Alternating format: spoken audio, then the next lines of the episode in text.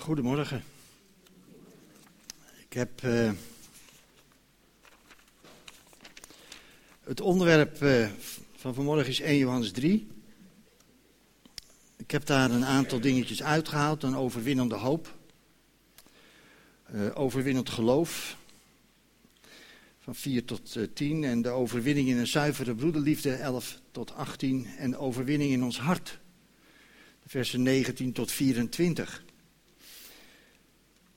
En daarom wil ik een stukje lezen uit de laatste paar versen van 1 e, Johannes 2 en de eerste drie versen van hoofdstuk 3. 1 Johannes dus, de Johannesbrief achterin.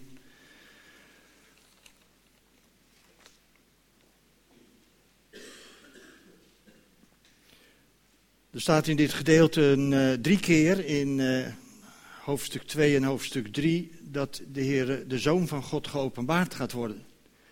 En het begint in de toekomst. En dat is vers 28. En nu, lieve kinderen, ik lees u voor uit de herziene statenvertaling, blijf in hem, opdat wij vrijmoedigheid hebben wanneer hij geopenbaard zal worden en niet door hem beschaamd gemaakt worden bij zijn komst.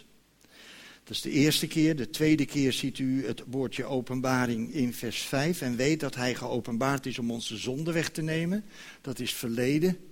En in vers 8 eh, ziet u, wie de zonde doet is uit de duivel, want de duivel zondigt vanaf het begin. Hiertoe is de Zoon van God geopenbaard, dat hij de werken van de duivel verbreken zou. En dat is heden. Dus verleden, heden en de toekomst. Ik ga weer verder met vers 29. Als u weet dat hij rechtvaardig is, dan weet u dat ieder die de rechtvaardigheid doet uit hem geboren is. Zie hoe groot is de liefde die de Vader ons gegeven heeft dat wij kinderen van God worden genoemd. Daarom kent uh, de wereld ons niet, omdat zij Hem niet kent. Geliefde, nu zijn wij kinderen van God. En het is nog maar niet geopenbaard wat wij zijn zullen. Maar we weten dat als hij geopenbaard zal worden, ziet u dat woordje geopenbaard komt consequent terug, wij hem gelijk zullen zijn. Want we zullen hem zien zoals hij is. En ieder die deze hoop op hem heeft, die reinigt zichzelf zoals hij rein is. Tot zover dit schriftgedeelte. We leven in spannende tijden. Gisteravond nog even nos.nl, dat heb ik en dan ga ik eens kijken wat er allemaal heeft plaatsgevonden, de berichten. En uh, u begrijpt natuurlijk ook in verhouding met Elise, ben je natuurlijk geïnteresseerd. En uh, toch misschien even goed om dat te zeggen. Elise is nog steeds in Thailand, wachtend om erin te kunnen gaan. Dat doet ze niet omdat wanneer zij in het land is, ze maar een maand krijgt om alle papieren verder te regelen. Dus op het moment dat ze kan gaan, moet ook de overheid werkzaam zijn. En die zijn op dit moment niet werkzaam. Dus dan ga je er ook niet in. Dus vandaar dat zij uh, met een groepje besloten hebben nog even te wachten om daarna het verder te regelen.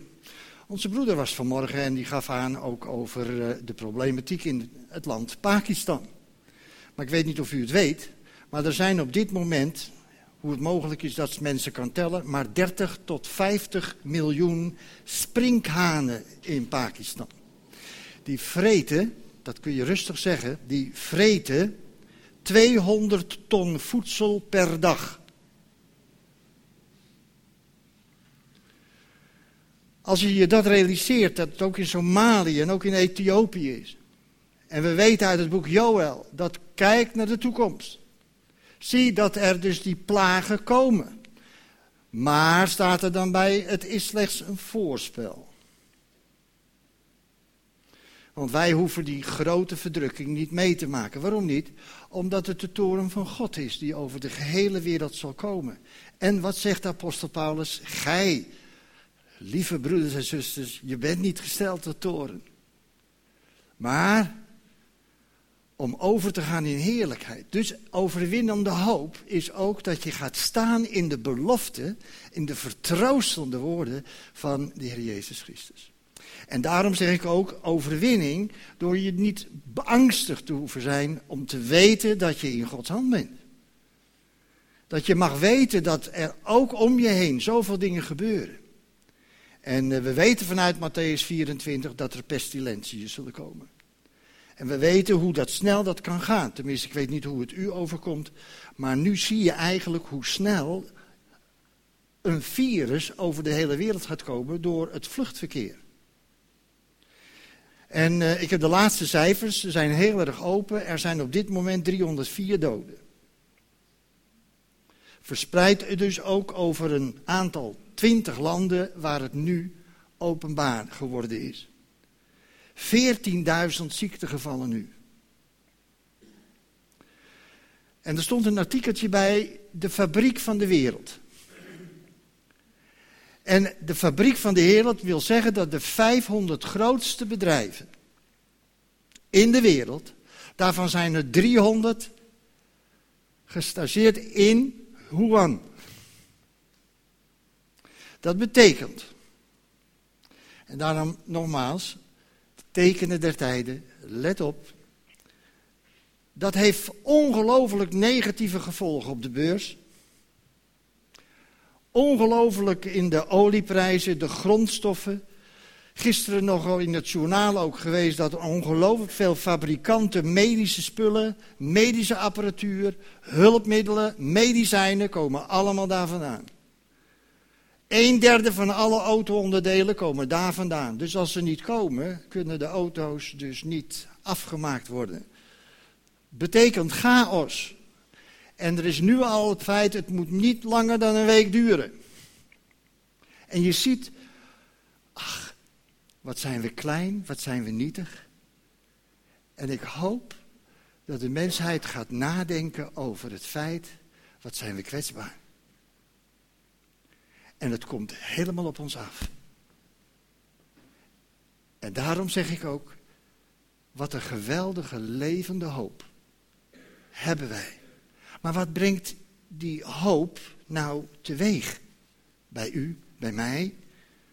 Als ik die versen lees, wat doet hoop dan met mij, met u?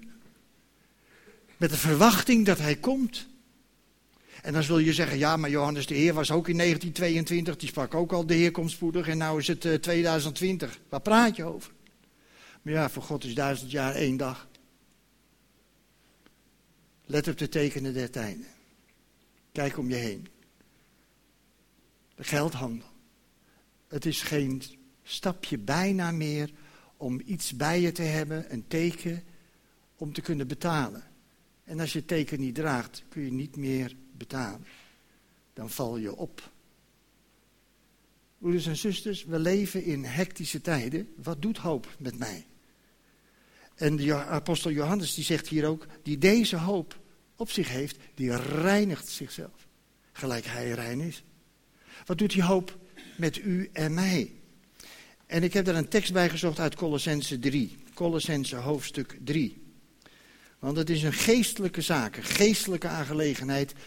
Ik leef vanuit de geest.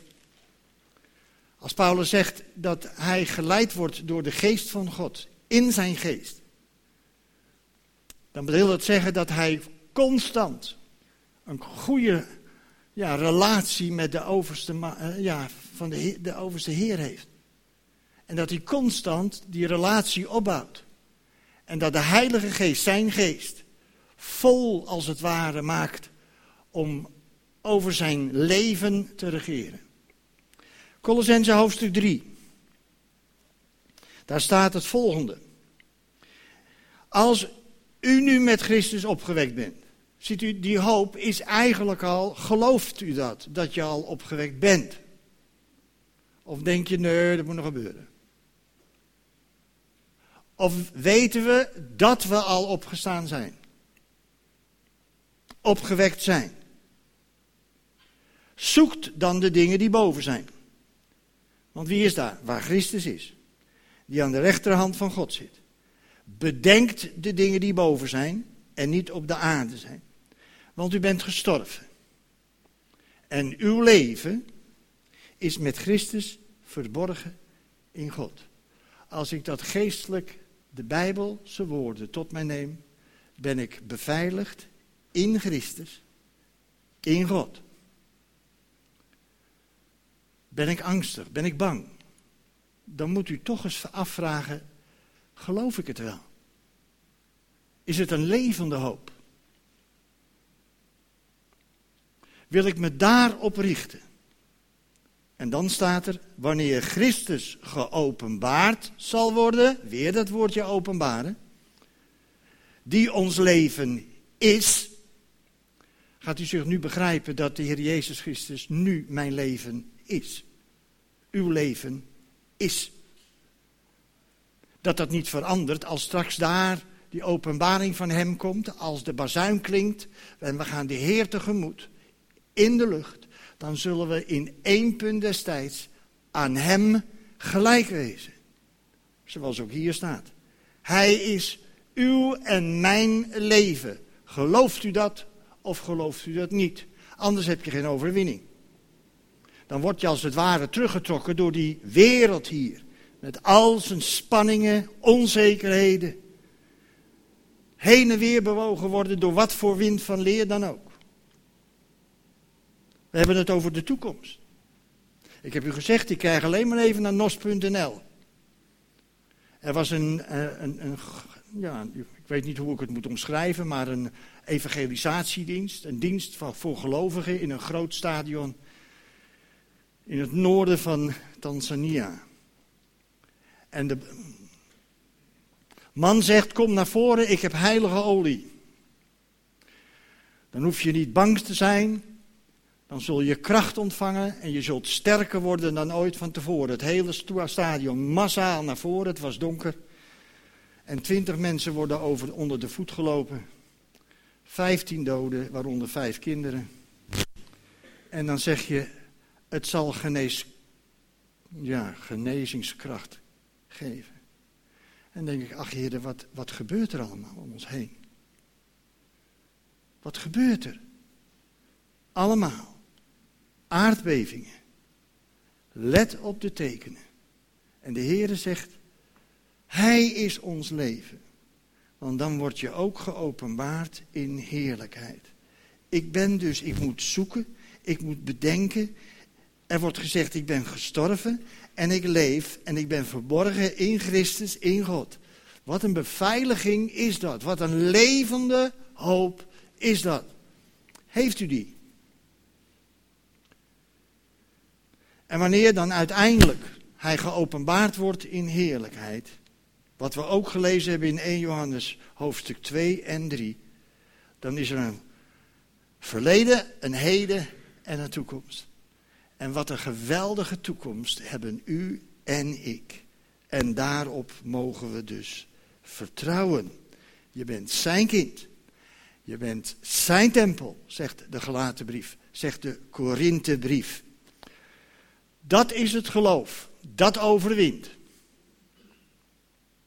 Vandaar dat het volgende punt is dat we ja, het geloof overwint. En dat is in de Johannesbrief, daar gaan we even terug. Dus de hoop.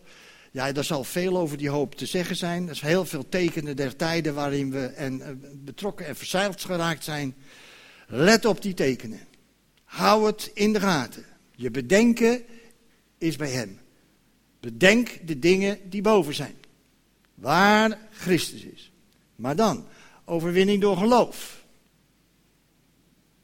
Wat is die overwinning in en door geloof? Dat zijn de versen 4 tot en met 10. We hebben het toen vorige keer gehad over twee honden. De witte hond en de zwarte hond. Wie was sterker? Dus geen overhoring. Maar wie was de sterkste? De witte of de zwarte? Ja, die het beste te eten gaat. Dus ja, dat is een goede antwoord, want je zegt, dat kan je niet weten, want dat hangt er vanaf of ik de witte hond te eten geef of de zwarte hond te eten geef. Dat klopt. Wie geef ik het meest te eten? Waar gaat het voedsel naartoe? Besef dus dat we een nieuwe schepping zijn. En dat de Heer zijn leven komt in en moet in ons naar voren komen. Dat zegt eigenlijk die verse, ieder die de zonde doet, doet dus ook de wetteloosheid. En wetteloosheid betekent eigenlijk dat je een ongebonden wil hebt. En dat je maar één ding doet.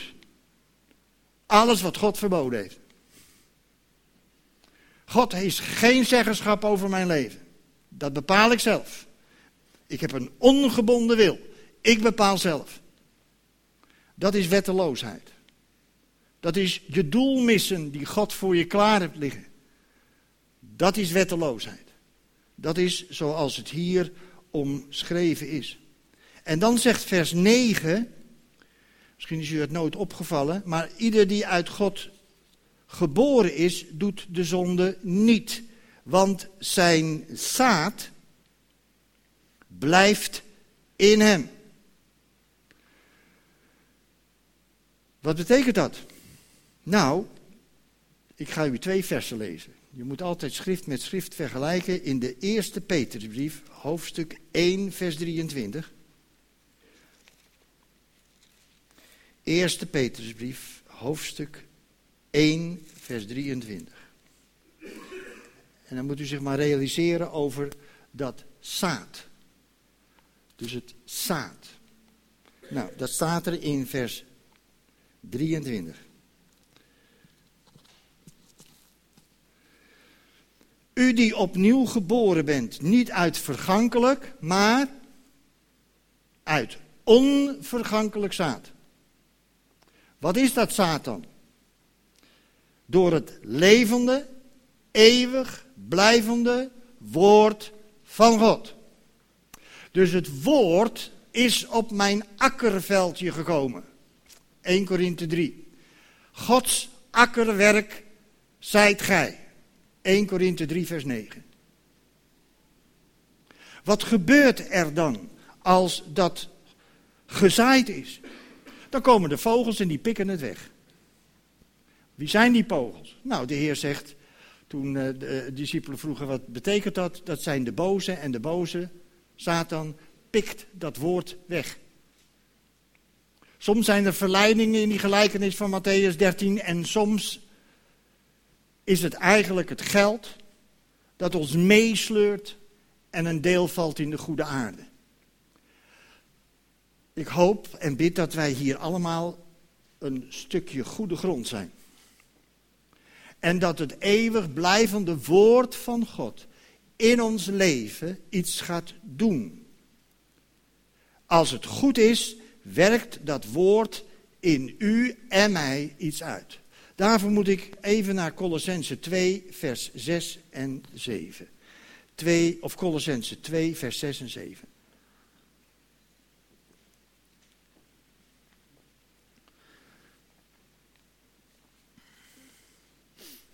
U kent de versen wel. Ik wil toch met vers 4 beginnen. En dit zeg ik, opdat niemand u misleide met mooi klinkende redeneringen. Want al ben ik lichamelijk afwezig, toch ben ik in de geest. Zijn geest is in gedachtenleven, in zijn leven met God. En God werkt dat in zijn geest uit. Dus u ziet wel, hier staat iets. Dit zeg ik opdat niemand u misleide met mooi klinkende redeneringen. Want al ben ik lichamelijk afwezig, toch ben ik met de geest bij u. Ik zie met blijdschap de goede orde onder u. En dan komt het, de vastheid van uw geloof in Christus. En dan moet u eens kijken wat er dan staat. Zoals u dan Christus Jezus, de Heer, hebt aangenomen. Dus de vraag aan u en mij is, van velen weet ik het, heeft u Christus aangenomen? Dan zult u misschien zeggen, dat weet ik niet hoe dat eigenlijk in zijn werk gaat. Nou, dat staat in Johannes 1, vers 12. Alle die hem aangenomen hebben, wat als verlosser van uw en mijn zonde. Daarom is hij geopenbaard om die zonde weg te nemen. En als u gelooft dat hij de enige is die uw zonde kan wegnemen, dan betekent dat hier dat je hem aangenomen hebt. Alle die hem aangenomen hebben, die heeft God de macht gegeven om een kind van God te worden. En we hebben net in 1 Johannes 3 gelezen, kinderen, nu zijn wij kinderen Gods. Dat is het eerste. Je moet, wordt aangenomen. Het tweede wat hier staat is, wandelt dan ook in hem. Dat is moeilijk, want zij die geloven haasten niet.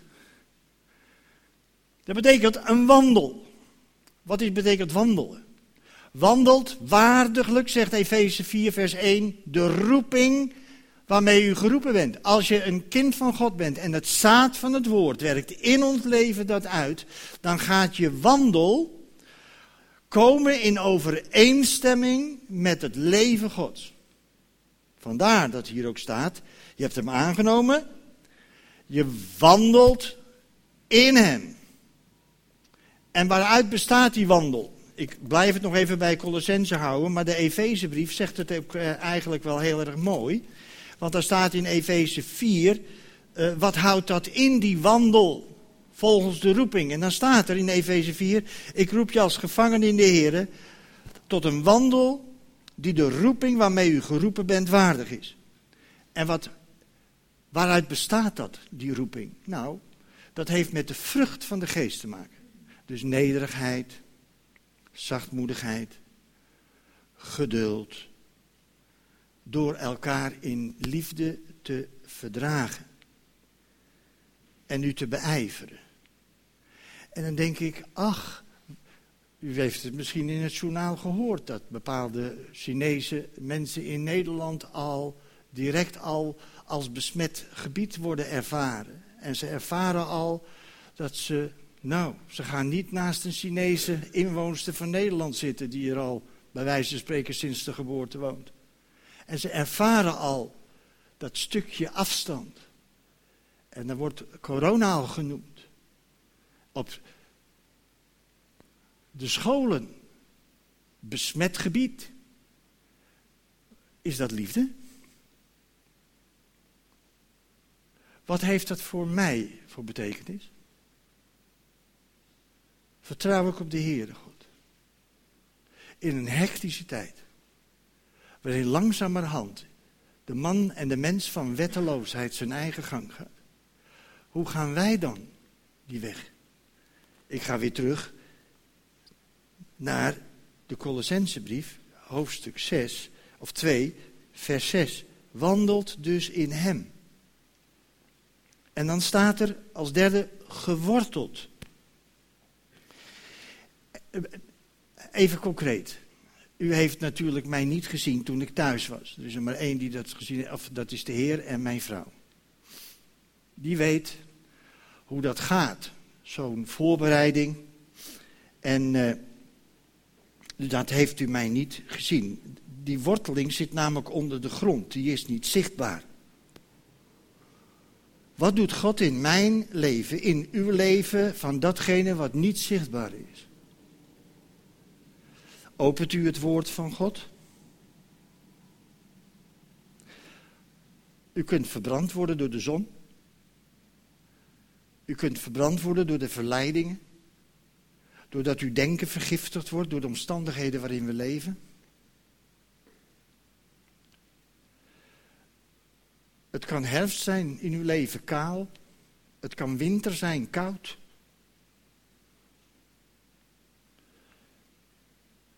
Ik ben niet zo eh, goed in het groen. Ik heb, niet zoveel, ik heb eigenlijk geen groene vingers. Maar ik heb mij laten vertellen dat de olijfboom, als ze geplant zijn, dan legt men een steen op die jonge olijfboom. En dan denk je, ja, dan gaat uiteindelijk dat plantje kapot. Nee, zegt de kweker, dan maak je de olijfboom sterk. Dan kan hij zich goed wortelen. Wat is uw wortel en hoe sterk is deze gesterkt. Vandaar, dat ziet u dus niet, maar groei doe je in de binnenkamer. Ik groei omdat je leeft in de gemeenschap met God. En daar past altijd, hoe moeilijk dat ook is te vertellen, maar het is wel zo, lijden. Daar liggen mijn wortels. Daar ligt de pijn en het verdriet. Daar ligt de opbouw van God, bijvoorbeeld van de apostel Paulus in Arabië. God gaat zijn werk in een mens doen. En die mens is en was Saulus. En hij werd Paulus. En de Heere God zegt, ik wil je afzonderen voor een taak, voor een roeping. En daarom moet je eerst in de stilte. En word je van een Saulus een Paulus. En ik ga dat vormen. Ik ga dat wortelen. In die stilte. En die staat best op een podium, vaak op een podium, vaak op, in kansels, maar achter een, ja, nou ja, zo'n microfoon. Ik heb hem zelf op. Maar kent u mijn verdriet? Kent u mijn worstelingen? Kennen we dat ook van onze gemeenteleven, die aan het strijden zijn en die pijn hebben van het leed wat hun aangedaan wordt? Of in het alleen zijn, de rouwverwerking. Dat is de diepte, dat is het verdriet, dat is de pijn. Kent u mijn vreugde, blijdschap?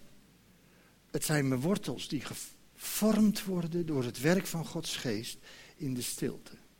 Dat is de worteling van uw en mijn geestelijk leven. En dat komt eruit. U wordt dus opgebouwd. Dat is wel iets wat zichtbaar wordt. Het is het groeien van mijn geestelijk leven. Vandaar dat eigenlijk hier ook het vierde staat dat je opgebouwd wordt. En dan staat er bevestigd in het geloof. Als ik Daniel en, en, en Nehemia lees en ik zie wat voor moeilijkheden ze hebben gehad, kijk naar Jozef.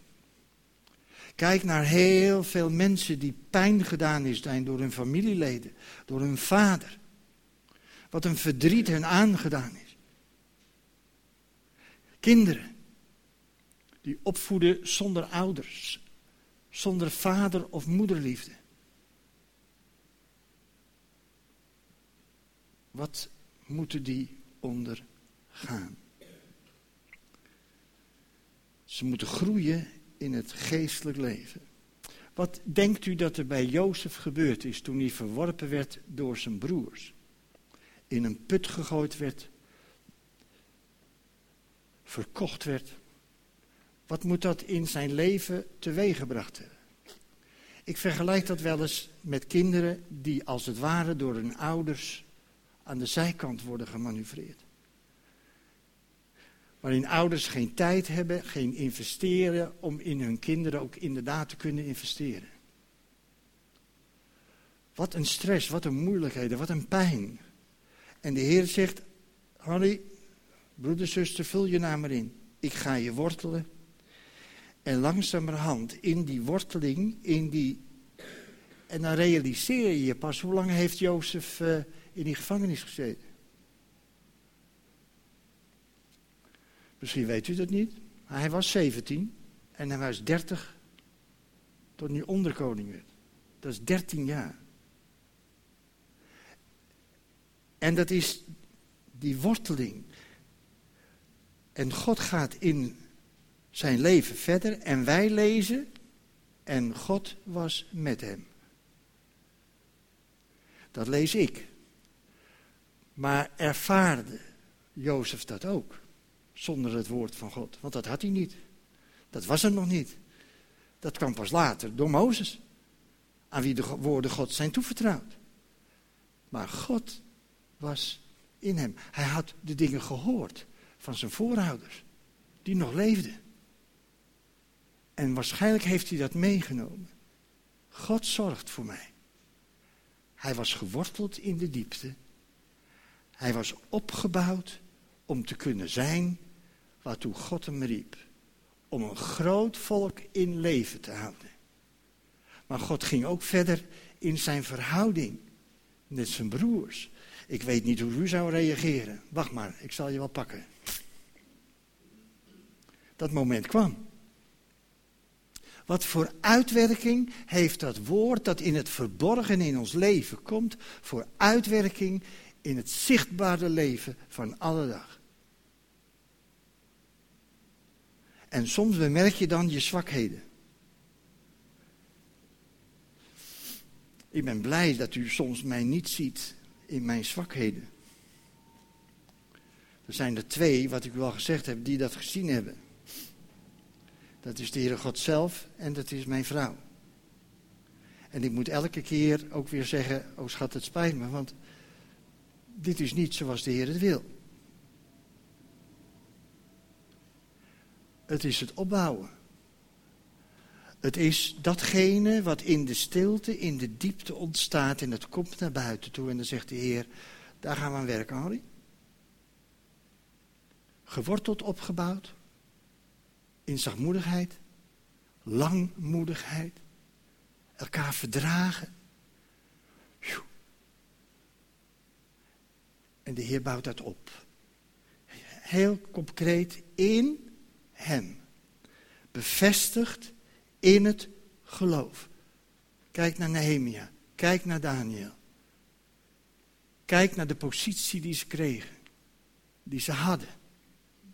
Wat voor werking God in levens van mannen en vrouwen doet. Die geworteld zijn, opgebouwd zijn en hier concreet bevestigd in het geloof. Zoals u onderwezen bent. Overvloedig in dankzegging.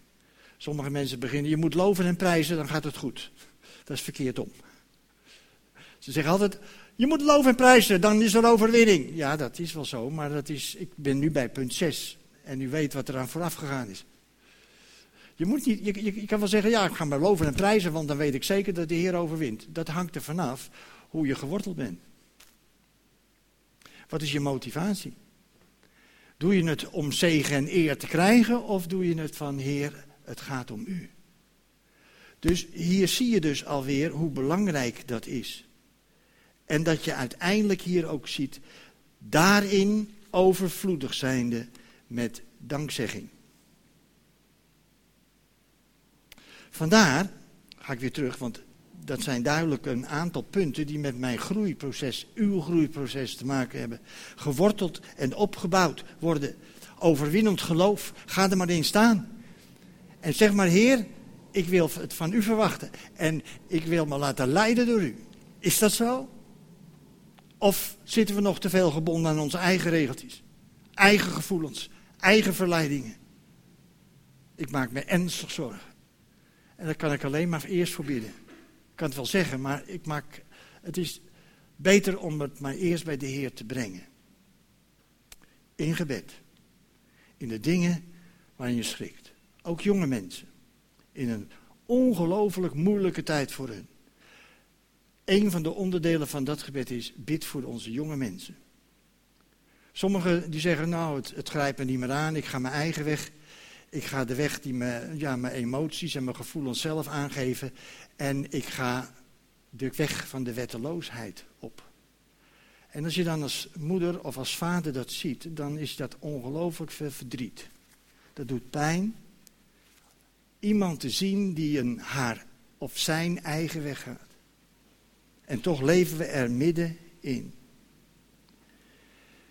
Velen zeggen, ik wil dat niet. Ik wil geen strijd. Ik wil het gemakkelijk hebben. Ik wil mijn eigen gang kunnen gaan. En de Satan zegt, prima. Dan ga je makkelijker van God af. En God die huilt. En Jeremia die wist het en die kon het ook weten. En die zei in Klaagliederen 3, ik wil het toch even lezen, vooral voor de ook jonge mensen, om eens te beseffen, waarom moet het altijd zo moeilijk zijn? Waarom moet ik anders zijn? Ik wil niet anders zijn. Nou, in klaagliederen, je hebt eerst de profeet Jeremia en dan krijg je de klaagliederen van Jeremia. En dan hoofdstuk 3, vers 25 tot en met 27. Zet hem maar eens als jong iemand, maar ook als oudere misschien, als vader of moeder van je kind. Daar staat in vers 25, goed is de Heer voor wie hem verwacht. Voor de ziel die hem zoekt. Goed is het te hopen en stil te wachten op het heil van de Heer. Goed is het voor een man als hij zijn juk, mag ik het zo zeggen, die steen op die jonge olijfboom, dan staat er zijn juk draagt in zijn jeugd. Als je dat ervaart op je jonge leeftijd, weet dan dat God, als jij werkelijk zijn weg wil gaan, dat hij er een bedoeling mee heeft, dat hij jou gaat wortelen. En dat hij jou, in jou dat gaat uitwerken en je gaat opbouwen. En dat hij je gaat sterken. Terwijl je je soms, net als Jozef, verloren voelt in die gevangenis. Terwijl God zegt, het hoort bij mijn opvoeding. En ik wil je sterken, ik wil je bemoedigen. En als je wat ouder bent, dan kan het ook zijn, waarom ben ik nou met zo'n lastig iemand getrouwd?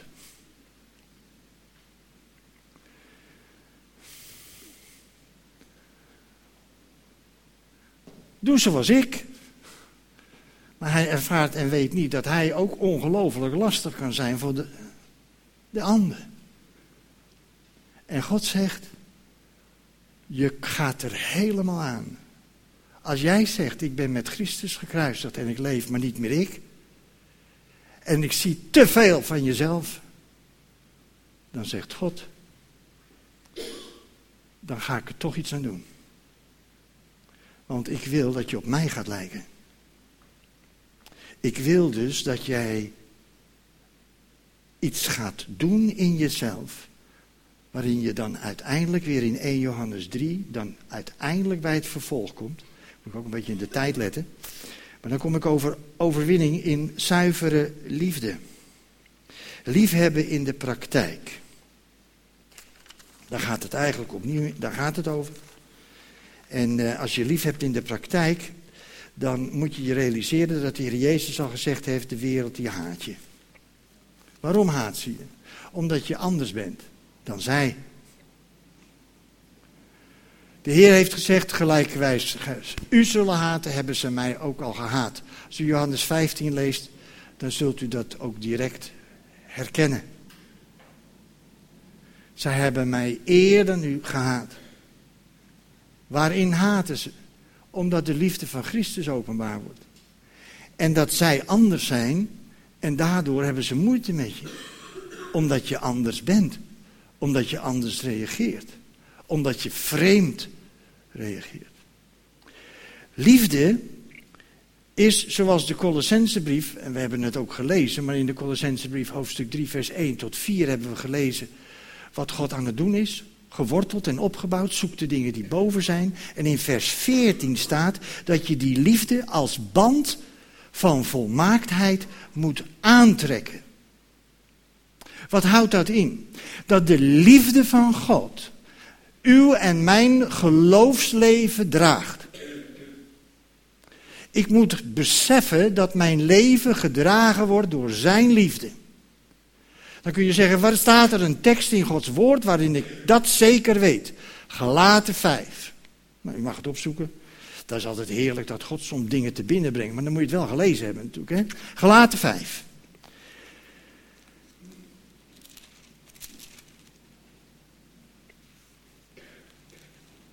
Galaten 5. Vers 6. Maar er staat eerst weer vers 5. Hoofdstuk 5, vers 5 van de Gelatenbrief. Want wij verwachten door de geest, uit het geloof, gerecht, gerechtigheid waarop wij hopen. Ziet u dat de Johannesbrief elke keer terugkomt? Geloof, hoop, liefde. Er is zo'n grote eenheid. En wat staat er dan? In Christus Jezus heeft namelijk niet het besneden zijn enige kracht. Ook niet het onbesneden zijn. Maar wat dan wel? Het geloof dat door de liefde werkzaam is. Dus ik geloof. Maar wordt mijn geloof gedragen door de liefde? Nu springen mij een paar dingen te binnen. Ja, laat ik het toch doen. 1 Thessalonicense 1 vers 3. 1 Thessalonicense, nou het zit niet veel, Efeze, oké, Colossense, Filippense, Colossense, oké, Thessalonicense. 1 Thessalonicense en of je even openbaring 2 daarbij wil pakken. Maar eerst 1 Thessalonicense, hoofdstuk 1, vers 3.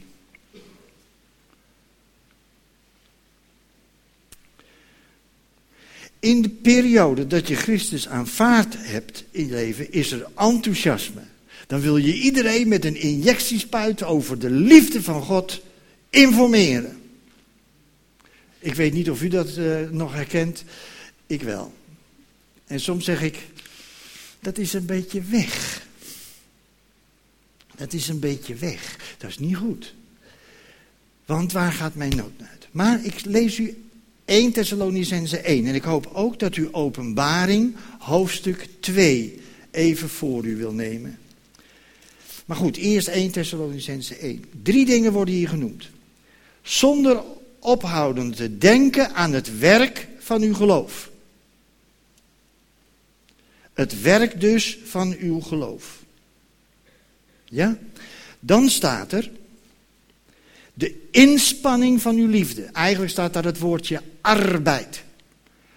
Arbeid voor en van uw liefde. En de volharding van uw hoop. Dus heeft u drie dingen. Het werk van het geloof. De arbeid van je liefde. En de volharding van je hoop. In openbaring 2, aan de brief van de Efeze,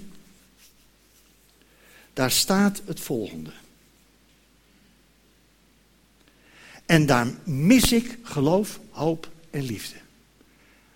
Maar niet, en kijkt u maar, dat is misschien best wel goed om dat eens te realiseren.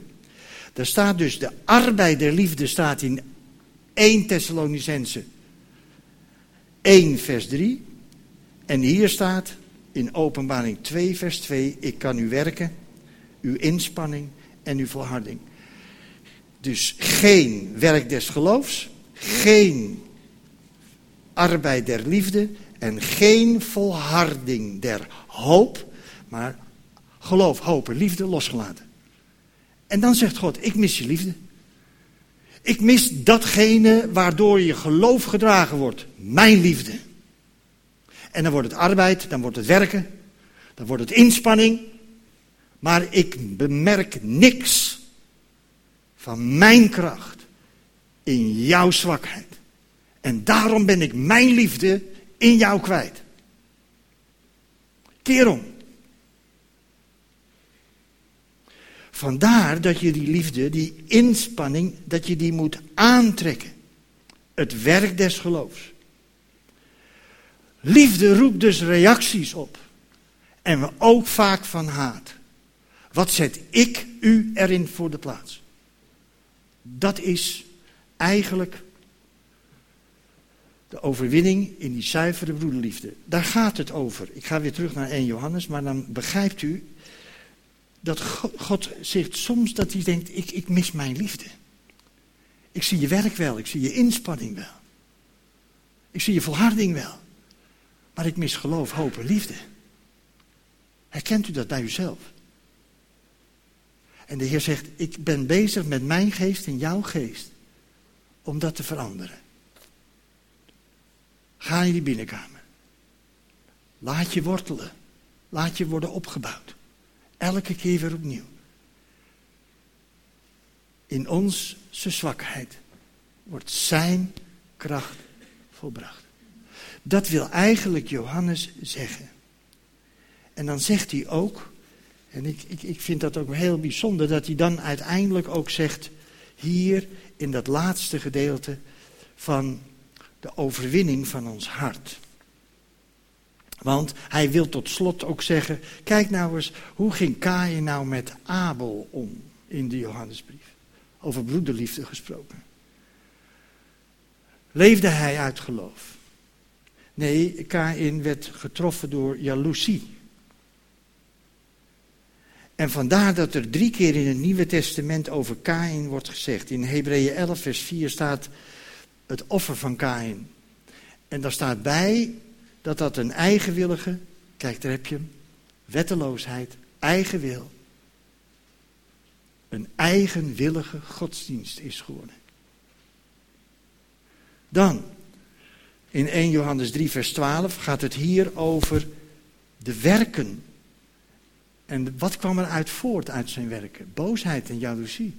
En de Heere God sprak hem erop aan en hij zei, ik heb het offer van je broer aanvaard, omdat hij wist dat hij zichzelf niet kan veranderen, maar het bloed, dat reinigt. En wij kunnen zeggen, het bloed van Jezus Christus reinigt van alle zonde. Maar wil je het met je eigen werken bereiken, ja, dan gaat het niet goed. En tenslotte heeft Judas 11 het over de weg.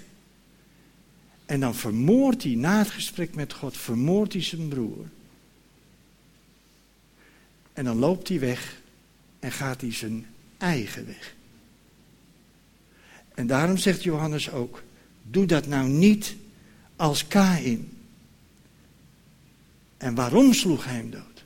Wel, omdat zijn werken slecht waren. Boosheid, jaloezie. De vrucht van de vlees kwam openbaar, niet de vrucht van de geest. Ten slotte.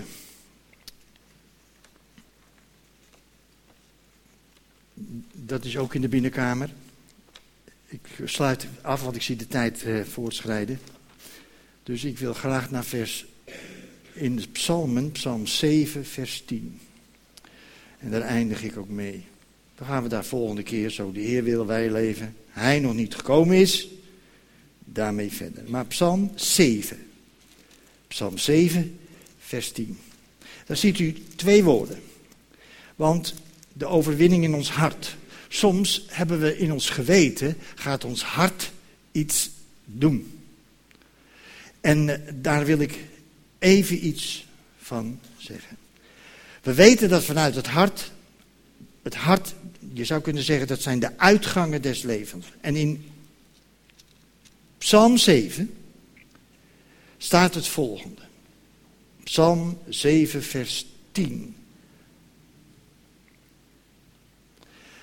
Laat er toch een einde komen aan de slechtheid van de goddelozen. maar doe de rechtvaardige stand houden. O rechtvaardige God, die hart en nieren beproeft. Als je je dat realiseert, wat doet het hart dan? Wel, dat zijn de uitgaven. Je zou kunnen zeggen dat het het centrum is van mijn denken, het hart, hè? Van mijn denken, van mijn willen, van mijn emoties, van mijn gevoelens. Dat zijn emoties. Maar daar word ik vaak ook door geregeerd, zou je bijna kunnen zeggen. Als dat hart bepaald wordt door de Heere God, dan heeft de nieren het volgende. U, ziet wel eens de Joden die bij de klaagmoeder dit doen. Heb je dat wel eens gezien? Dat schudden, dat is het schudden van de nieren. Tenminste, dat hebben ze me verteld. Niet in Israël, maar een Jood gewoon in Antwerpen. Want ik denk, ik wil toch eens weten waarom dat schudden nou toch echt voor die. Hij zegt dat heeft te maken met de nier. Wat doet een nier? Ik weet niet of er een aantal verpleegkundigen hier in ons midden zijn. Arts. Weet u het? Ja, verwijdert afvalstoffen. Dingen die dus niet noodzakelijk zijn. Nou gaat u het begrijpen, hè? uitgangen van het leven.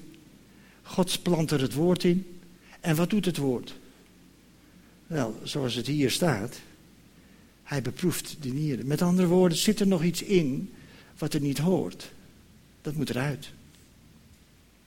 Dat moet eruit. Het heeft een geestelijke functie in u en mijn leven om datgene af te voeren wat een mens niet nodig heeft. Een geestelijke mens niet nodig heeft. Misschien kunt u dat eigenlijk hetzelfde zien als Pesach. Als de mm, Joodse man op de avond voor Pesach door het huis met een lichtje gaat om te kijken of er nog zuurdeeg in het huis is. En hij heeft niets meer gevonden dan zegt hij al het zuurdeeg. Dat zijn leugens, dat zijn het beeld van de zuurdeeg, moet u maar lezen in 1 Korinthe 5. Is leugen. Maar ongezuurd is oprecht waarheid. En dan zegt de Joodse vader, als hij met het lichtje door dat huis van hem is gegaan, er ligt geen zuurdeeg meer. Soms moeten wij door het lichtje van Gods geest, door ons eigen leven gaan. Is daar nog zuurdeeg? Of kun je net als de Joodse vader zeggen als hij niks meer ziet liggen, het is in orde. Dat mijn broeder en zuster is 1 Johannes hoofdstuk 3. Overwinnende hoop. In een tijd waarin we ongelooflijk veel dingen zien gebeuren. Heft je hoofd omhoog, want de koning komt. Hij komt om straks ons te halen. Zijn we bereid? Overwinningsgeloof. We worden geworteld, we worden opgebouwd. En eindigend in dankzegging. En we leven in zuivere broederliefde. Bekleed je dan met zijn gerechtigheid, zijn liefde. En laten we een overwinning hebben in ons hart, waarin al het overtollige verwijderd wordt en waarin hij overblijft. Amen. Dan gaan we naar de liederen. Door de Heilige Geest zijn wij één in de Heer. Dat gaan we met elkaar zingen. Maar voordat we dat doen, gaan we eerst de Heer danken. Trouwe Vader in de hemel, we willen u zo danken voor de, de rijkdom van uw genade. We hebben nagedacht, Heer, over hoop, over geloof, over liefde. We hebben nagedacht over wat er in ons hart, in sierelen, roerselen, in ons hart aan de gang is. U bent met ons bezig. En ik wil u daarom ook des te meer bidden. We hebben het over jongeren gehad. Die zo gegrepen worden, Heer, door uh, ja, de media, de mobiel. Het, het grijpt het pakt. En we worden geïnfiltreerd met dingen die niet passen. En daarom bid ik u voor de nieren van hen. Dat ze het als overtolligheid zien en dat ze het uitwerpen. Om te blijven bij u. In wie het hart dat volkomen naar u uitgaat, daar bent u naar aan het zoeken. U bent aan het zoeken naar mannen als Jozef, als Daniel, als Nehemia, als Esra. Heer, u bent ook zoekende, wiens hart volkomen naar u uitgaat. En daarom, Heer, heeft u ons aan elkaar gegeven om ons te wortelen omdat we u hebben aangenomen en elkaar op te bouwen naar u en in u toe. Eerst was u buiten ons leven en toen kwam u in ons leven. En toen deed u uw werk en wil u uw werk door ons leven doen. En dat willen we u zo bidden. Door de kracht van uw geest die u gegeven is en ook aan ons gegeven is om ons in alle waarheid, u bent de waarheid, te leiden. Uit genade. Amen. Opwekking 8. Door de Heilige Geest zijn wij één in de Heer. In de Heer, hè? Ik ben het helemaal soms met, met baalde broeders of zusters niet eens. Maar ik ben wel één in de Heer. Je kan toch niet zeggen als je straks bij de rechterstoel bent, Heer, die niet. Die wel. Wie bepaalt dan? Dus ik denk dat zullen we maar aan hem overlaten. We gaan het zingen.